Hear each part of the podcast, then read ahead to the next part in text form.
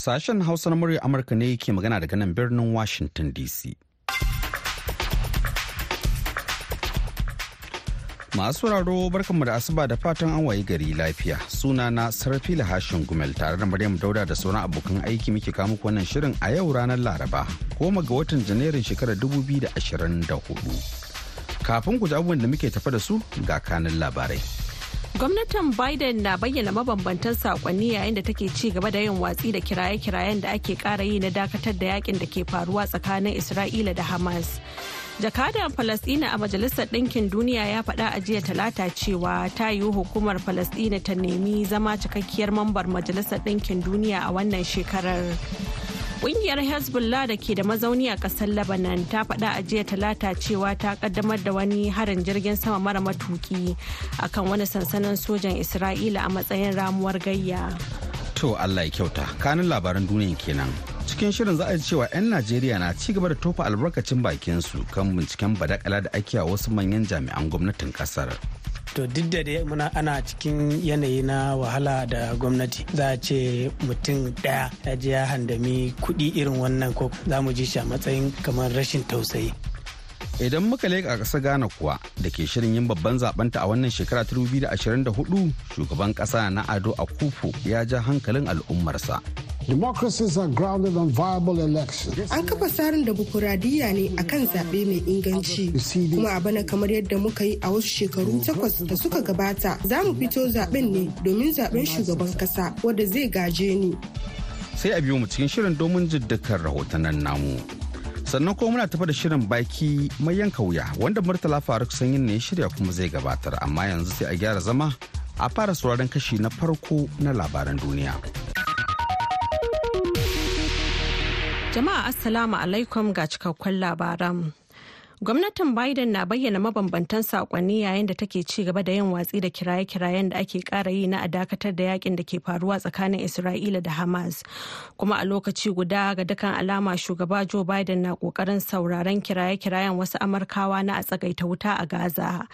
John Kirby shugaban kwamitin tsaron ƙasa kan hanyoyin sadarwa ya nanata da daɗaɗɗiyar matsayar gwamnatin Biden kan cewa tsagaita wuta a wannan lokacin Hamas ce kaɗai za ta amfana da shi.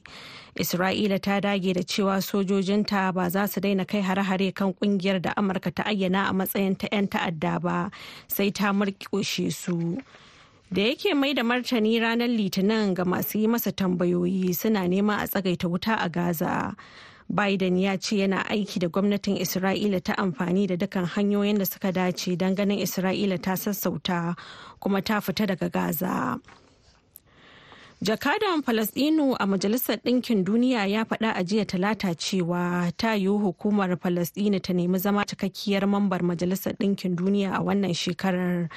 Jakada Riyad Mansour ya shaidawa manema labarai a ofishin Majalisar Ɗinkin Duniya cewa wannan wani muhimmin abu ne wajen samar da zaman lafiya da kuma batun mafitar samar da ƙasashe biyu.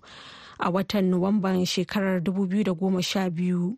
Zauren majalisar ɗinkin duniya ya kada kuri'ar ɗaukaka matsayin falasɗina zuwa ƙasa mai sa ido wadda ba mamba ba inda za a baiwa wakilanta damar shiga muhawara da kuma ƙungiyoyin majalisar ɗinkin duniya amma ba tare da sun kada kuri'a ba.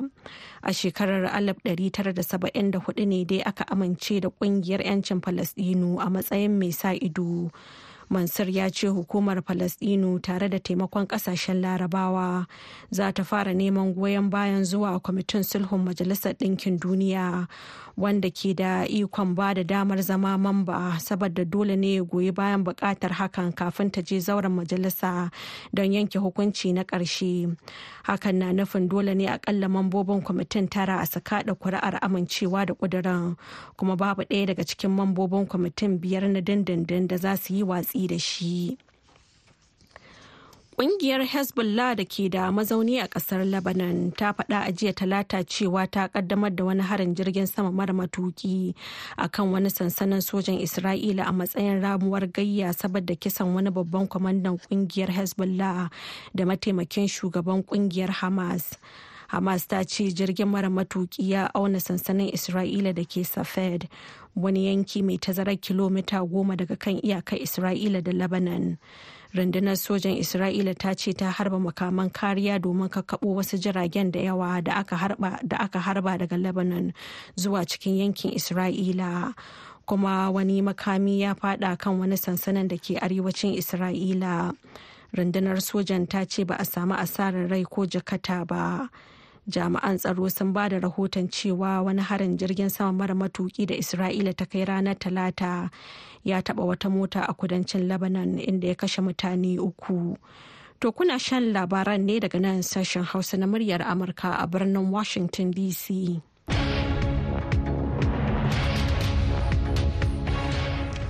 To na jima kaɗan marin za sake da labarai kafin nan 'yan Najeriya na ci gaba da tufa albarkacin bakin su game da zargi da kuma binciken da hukumar yaƙi da cin hanci da rashawa ta Najeriya EFCC ke yi kan wasu jami'an gwamnati da ake zargin su da karkatar da dukiyar ƙasa ta hanyar da bata kamata ba.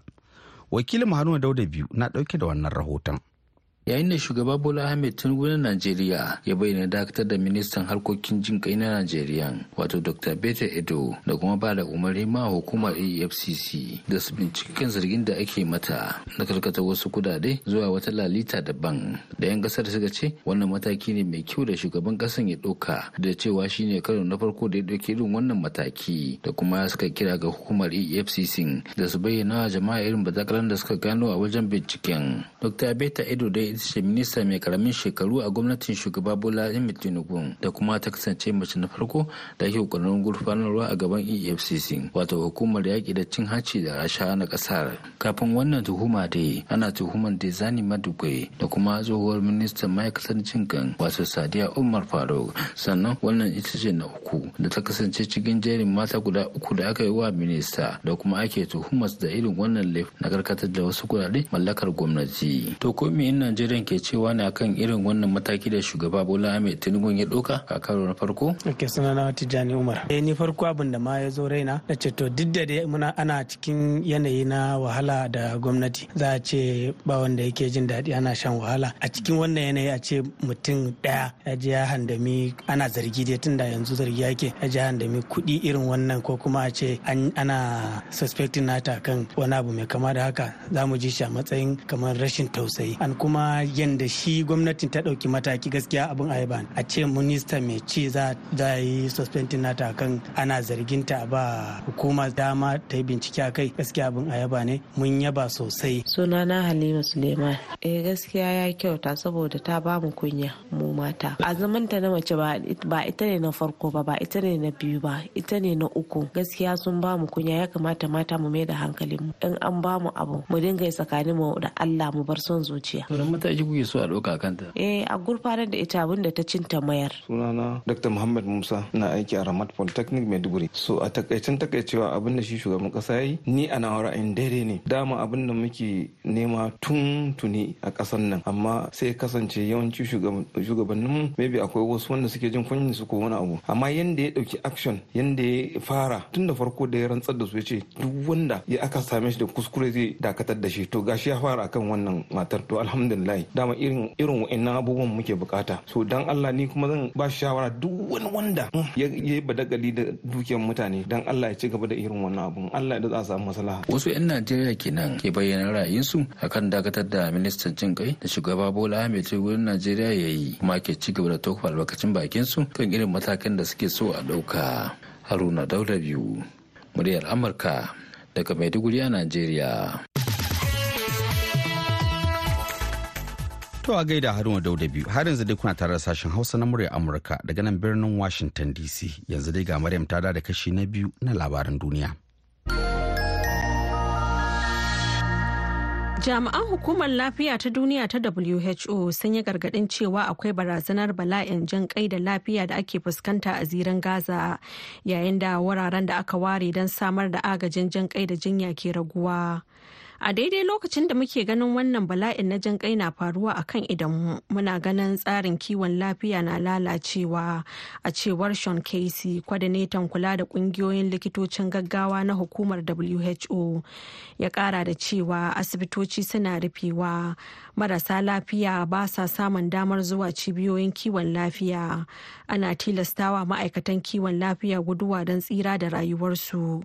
Ya kuma ce za a iya yi wa mutane jinya kuma za a iya ceton rayuka idan akwai damar samun kulawa casey wanda ke gaza tsawon makonni biyar da suka gabata ya bayyana cewa za a fuskanci katsewar ayyukan lafiya da kuma rasa damar ganin ma'aikatan kiwon lafiya na ban mamaki.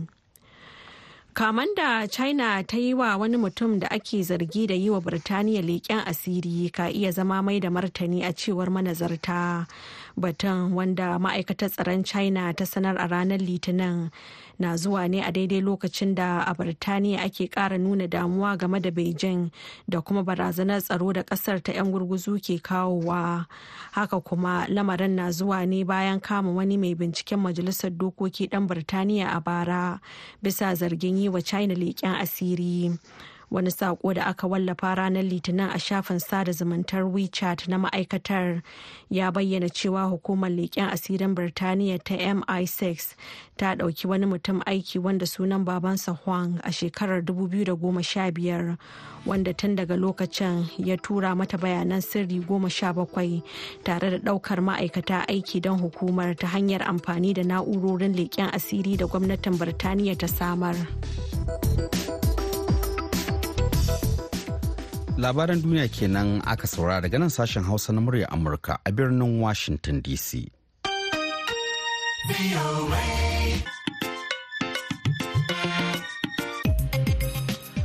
madalla. Shugaban ghana nana akufa ado yana kira ga daukacin 'yan ƙasar da masu ruwa da tsaki da su haɗa kai don ganin zaɓen 2024 mai zuwa ya kasance cikin gaskiya da lumana. Shugaban ya ce tushen tsarin demokuraɗiyya mai aiki a duniya ya gini ne bisa zaɓuka masu inganci wanda dole ne ya zama abin fifiko ga dukkan 'yan ƙasa yayin da wajen tunkara babban zaɓe a watan disamba. Hawawa abdulkarim na ɗauke da wannan rahoton. Akufu Adon a wani jawabi da ya yi wa al'ummar ƙasar a bikin cika shekaru talatin da kafuwar jamhuriyar Ghana ta huɗu ya yi kira da a ƙara haɗa kai tare da yin kira da a mutunta dokoki da ka'idojin gudanar da zaɓe a ƙasar. Democracies are grounded on viable elections. An kafa tsarin demokuraɗiyya ne a kan zaɓe mai inganci. Kuma a bana kamar yadda muka yi a wasu shekaru takwas da suka gabata za mu fito zaɓen ne domin zaɓen shugaban ƙasa wanda zai gaje ni. Babu wani dan demokuraɗiyya na gaskiya da zai yi watsi da muhimmancin zaɓe da kuma sabcice kuri'u. Ya kamata dukkanin masu ruwa da saki wato hukumar zaɓe, jam'iyyun siyasa da shugabanninsu da masu zaɓe da 'yan ƙasa su yi ƙoƙarin tabbatar da ƙarfafa demokuraɗiyyar Ghana tare da taimaka mana wajen ci gaba da ɗaukaka martabarmu a nahiyar inda muka zama abin koyi na demokuraɗiyya a Afirka. Bai kamata a yi shakku kan sahihancin zaɓe ba kuma waɗanda suka yi nasara a ƙarshe za su samu goyon baya bayan kowa ba tare da wata tangarɗa ba. ta haka ne kawai za mu iya ƙarfafa mu da zaman lafiya da kwanciyar hankalin al'ummarmu. Chief Superintendent Imam Hussein Abdulrahim limamin 'yan sandan Ghana ya ce kowane zaɓe yana zuwa ne da nashi yanayin. Kan haka suna gudanar da shirye-shirye domin ganin bana an yi zaɓe lafiya kamar kowace shekara. Babu shakka kowane zaɓe da nasa yanayi. Namu ne mu tabbatar da cewa an yi zaɓe lafiya. Muna da namu a research ko darasi da muke yi ma kowane anguwa. Akwai angwani daban-daban da a cikin ayyukanmu muke ce mata flash points tana yiwa tanzoma ta wannan wurare. To kariya da ake ba irin wayannan wurare ne daban ne da wasu kuma wurare daban. Yasa muna da namu shirye-shirye da muke yi. To irin wayannan wurare sai ki ga cewa wato 'yan sanda da soja da sauransu ke ga an sa su suna da yawa wannan ta biyu kuma abin da kuma muke yi shine kari ke shawo kan manya masu anguwa. A kira su a zauna a zanta da su saboda su ma a duba wani irin gudunmawa ne za su kaddamar saboda a tabbatar cewa a an yi zaɓe. Lami lafiya. Pastor Philip Inze na cocin Altar of Fire Prayer and Deliverance Ministry a nan Accra, Ghana ya yi kira ga dukkanin masu ruwa da saki da su yi adalci cikin zaɓe har da shugaban ƙasa. Dangane da zaɓe da za a yi, zaɓe da za a yi bana. kira na ga shugabanni addinai na daban-daban da na kristoci da na musulmai. A zo a hada kai a waya ma kai sannan na kira ga gwamnati. Gwamnati ta yi adalci ga wanga zaɓe da za a yi. Sannan kowa na fata da kowa duk wanda ke takara zama shugaban kasan ga. Duk abun da kowa ka fata abun da zai sa gana ta yi gaba. A yi zaɓe na lahiya. Hukuma da kula da zaɓe. A yi adalci kada da a nuna ɓangarenci. Bana dai kamar yadda bai ɓuya ba jam'iyya mai mulki da babban jam'iyyar hamayya dukkaninsu na buƙatar mulki a bijajen ta haka mun tattauna da abubakar abbas mai haɗa kan jama'a wato zongo kokos na okaikwe central kakashin tutar babban jam'iyyar adawa ndc a ghana inda ya ce gaskiya election da damu ya zama one of the hard election da ghanaians za su experience. Shine shi incumbent sun so su zauna kan sarauta. Kuma mu ma yan ndc mun yi tanadi kamar election gan da za mu yi ga mu ndc mu da ko dama an san mu muka zo da democracy. Mu kullum muna saye bisa kan a yi election lafiya kare lafiya lau. Ita ko hukumar zaɓe ta bayyana cewa za ta sake lokacin rufe kada kuri'a daga ƙarfe biyar na yamma zuwa ƙarfe uku na rana a babban zaɓen shekara huɗu mai zuwa. Shugaban hukumar zaɓen jimensa ta jaddada cewa wannan gyare-gyaren yana nufin sauƙaƙa tattara kuri'u da bayananta da kiɗaya cikin gaskiya a lokacin da ido ke ganin ido. Hawa abdulkarim yankwaniya muryar amurka daga accra ghana. A gaida yankwaniya wannan shirin na zuwa muku ne kai tsaye daga nan birnin washington dc akan mitoci 19,31,49,60 sai kuma kilo talatin a matsakaicin zango ga masu sauraron mu a jamhuriyar Nijar za ku iya sauraron mu a tashar mu ta VOA Africa akan mita 200.5 zangon FM. Ba ga haka a duk lokacin da ake so za a iya zuwa shafin mu na yanar gizo ta adireshin mu na voahausa.com. Yanzu dai a nan Washington DC agogon na cewa ƙarfe 12 da minti 16 na tsakar dare. Yanzu kuma sai baki mai yanka wuya.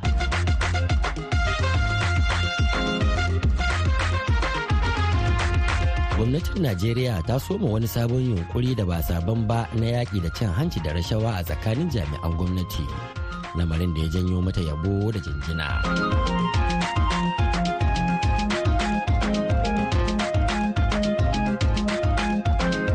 Jama'a assalamu alaikum. A farkon makon nan ne cece kuce suka karaɗe dukkan kafofi a najeriya sakamakon wani umarni da aka ce ministar ayyukan jin kan jama'a da yaƙi da fatara beta edu ta baiwa babbar akantar kuɗi ta ƙasar. Na saka wasu kuɗaɗen ma'aikatar har naira miliyan 585 a cikin asusun wata ma'aikaciyarta.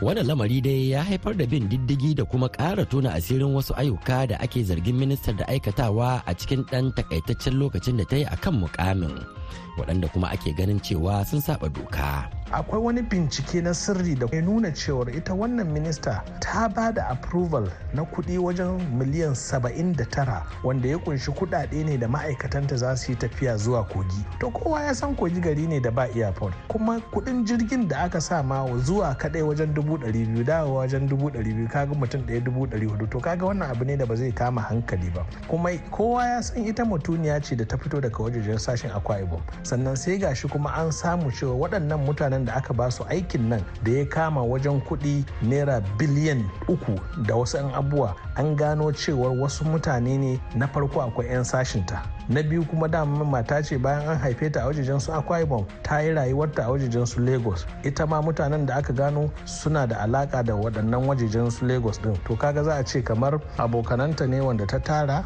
don su ci moriyar wannan abu. To duk irin waɗannan idan aka kawo gaban shugaban ƙasa mai sauraron jama'a dole zai duba ya ga cewa to wannan bincike bai dace a binciki mutum yana ɗore da kaya a kan shi ba. Don haka ya sauke kayan sai a bincika. Lamarin dai ya harzuka ƙungiyoyin farar hula har ma da daukacin 'yan najeriyar waɗanda suka yi ta kira ga shugaba bola ahmed tinubu da ya ɗauki kwakwaran mataki a kanta. Domin nuna cewa da gaske gwamnatin ke yi wajen yaƙi da cin hanci da rashawa da ke ƙoƙarin kassara ƙasar. Duk irin waɗannan abubuwa idan shugaba Bola Tinubu da gaske yake yi to ya kamata a sa rariya a tsaftace duk wani wanda yake da datti a yi waje da shi a nemo nagartattu ingantattun mutane masu tsoron lahirar su fiye da kwaɗayin duniya masu kishin ƙasa fiye da kishin kansu a nemo irin waɗannan muzakkaran mutanen a ba su ƙasar nan. To a matsayin karɓawa kan waɗannan kiraye-kirayen kuma shugaba Tinubu ya ba da sanarwar dakatar da ministar nan take. tare kuma da baiwa hukumomin yaƙi da cin hanci da rashawa umarnin gudanar da bincike a kanta lamarin da kuma ya faranta wa waɗanda suka yi kiraye-kirayen na farko. to gaskiya wannan abin da yawa ita beta edu ministan jin kai ta najeriya wato ya dakatar da ita domin abin cike ta kan zargin da ake mata. Yana nuni da cewa na farko ba zai yarda da cin hanci da rashawa ba gwamnatinsa. Na biyu yana nuna cewa bangaranci da wato yanki ba zai tasiri ba a gwamnatinsa. Saboda waɗannan ababe guda biyu ana zargin ta duk ta aikata. Na farko ta ba da kuɗi ba da ka'ida ba. Wannan ma alamomi ne da ake zargin da cin hanci. Na biyu kuɗaɗen da aka raba domin a je a rijista na masu mabukata a najeriya wato yankin ta ta bayar yankin Akwa Ibom da kuma yankin Lagos inda nan ne ta bi ƙarfi don haka shugaba Bola Ahmed Tinubu dole a masa guda a masa jinjina akan cewa wannan mataki da bara ɗauka duk da cewa baya babatu kamar sauran gwamnati ta baya inda suke nuna su masu gaskiya ne masu yaƙi da hanci ne. Amma gashi ana gani a kas da mako kare an ce ana biki a garin su a gidansu ya gani a kas wannan lamari dai na zuwa ne a daidai lokacin da ake binciken tsohuwar ministar ma'aikatar Sadiya Umar Faruk bisa nata zargin na wawure biliyoyin naira a yayin da take kan kujerar. Haka kuma lamarin ya zo daidai lokacin da 'yan najeriya ke jimamin rahoton wani kwamitin bincike wanda ya bankaɗo wata mummunar badakala da ake zargin tsohon gwamnan babban bankin najeriya godwin emefiele da tafkawa.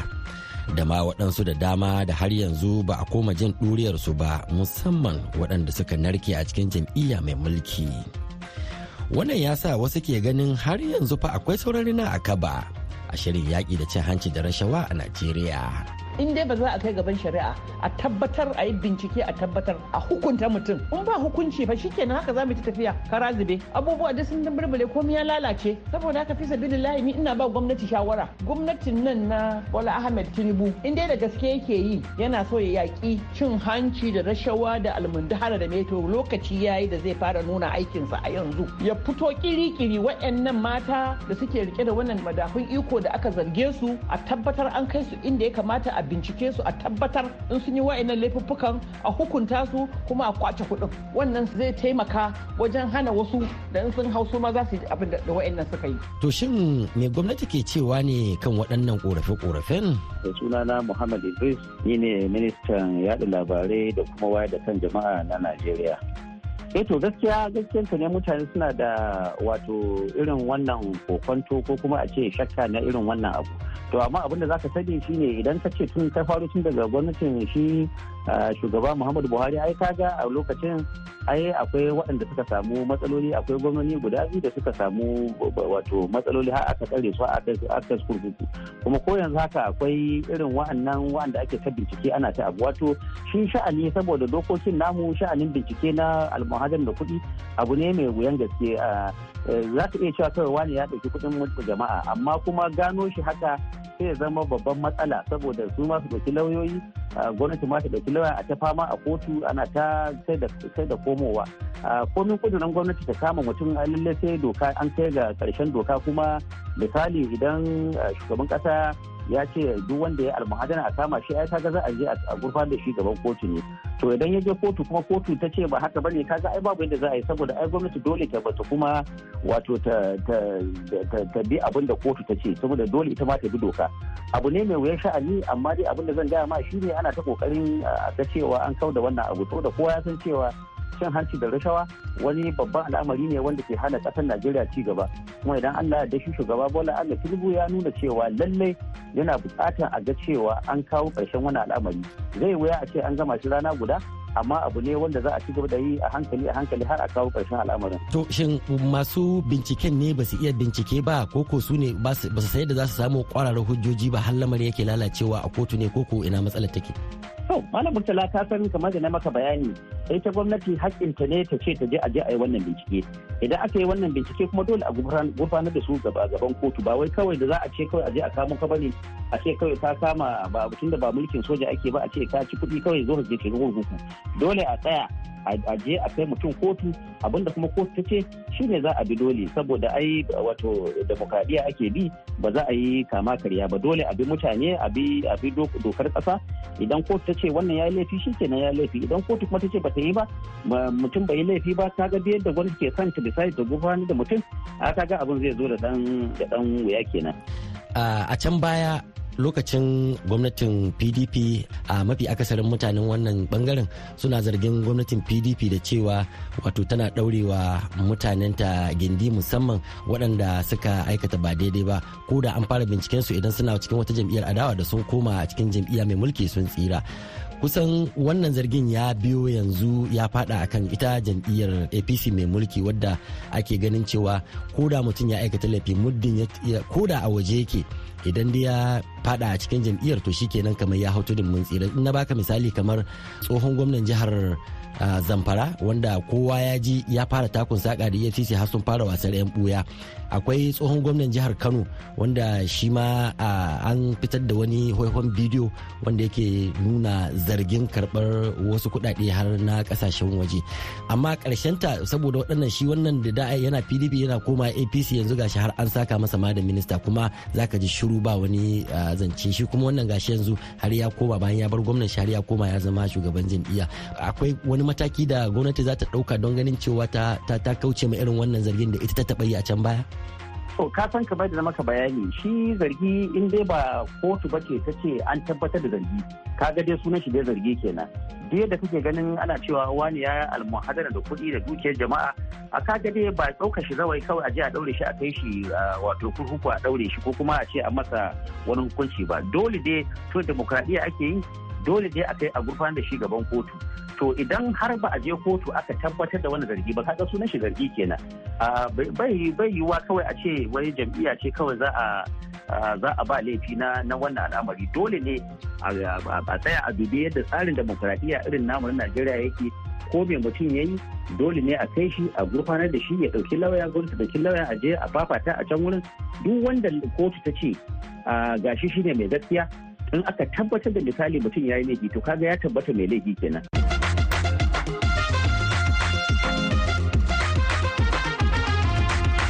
Masu saurare a nan za mu dasa aya sai mako mai zuwa inda za mu kawo muku wani sabon shirin. Godiya ga wakilan sashen Hausa Madina Dauda da Umar Faruk Musa. Dadi Balawe ya daidaita mana sautin shirin. Murtala Faruk Sanyinna ke muku sallama daga Washington DC.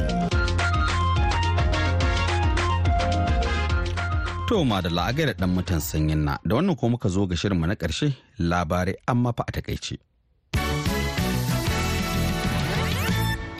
Gwamnatin Biden na bayyana mabambantan saƙonni yayin da take ci gaba da yin watsi da kiraye-kirayen da ake yi kara yi na a dakatar da yaƙin da ke faruwa tsakanin Isra'ila da Hamas. Kuma a lokaci guda ga dukkan alama shugaba Joe Biden na ƙoƙarin sauraron kiraye-kirayen wasu Amurkawa na a tsagaita wuta a Gaza. John Kirby shugaban kwamitin tsaron ƙasa kan hanyoyin sadarwa ya nanata da daddiyar matsayar gwamnatin Biden kan cewa tsagaita wuta a wannan lokacin Hamas ce kadai za ta amfana da shi. Isra'ila ta dage da cewa sojojinta ba za su daina kai hare-hare kan ƙungiyar da amurka ta ayyana a matsayin ta 'yan ta'adda ba sai ta murkushe su. Jakadan falasdinu a majalisar ɗinkin duniya ya faɗa a jiya talata cewa ta yi hukumar falasdinu ta nemi zama cikakkiyar mamban majalisar ɗinkin duniya a wannan shekarar. Jakada riyad mansur ya shaidawa manema labarai a ofishin majalisar ɗinkin duniya cewa wannan wani muhimmin abu ne wajen samar da zaman lafiya da kuma batun mafitar samar da ƙasashe biyu. A watan nuwamban shekarar 2012 zauren majalisar ɗinkin duniya ya kada kuri'ar ɗaukaka matsayin falasɗina zuwa ƙasa mai sa ido wadda ba mamba ba inda za a baiwa wakilanta damar shiga muhawara da kuma ƙungiyoyin majalisar ɗinkin duniya amma ba tare da sun kada kuri'a ba. A shekarar 1974 ne dai aka amince da ƙungiyar 'yancin falasdinu a matsayin mai sa ido. Ƙungiyar Hezbollah da ke da mazauni a ƙasar Lebanon ta faɗa a jiya talata cewa ta ƙaddamar da wani harin jirgin sama mara matuƙi a kan wani sansanin sojan Isra'ila a matsayin ramuwar gayya saboda kisan wani babban kwamandan ƙungiyar Hezbollah da mataimakin shugaban ƙungiyar Hamas. To ma da a gaishe ki masu raro baki ɗaya abin da ya sabo nan a shirin mu na yanzu sai kuma an jima kaɗan da hantsi za mu sake dawowa da wani sabon shirin. Domin sake jin wannan shiri da ma sauran shirye-shiryen mu da suka gabata sai a zircafin mu yanar gizo ta adireshin mu na voahausa.com. Yanzu kan a madadin Maryam Dauda ta na gabatar da shirin da kuma Dadi Balawi wanda ya ba da umarni da ma injiniyan mu na yau Mr. Charleston. Nisar fila hashin gumel daga nan birnin Washington DC ke cewa sai an jima da hantsi. Salamu alaikum.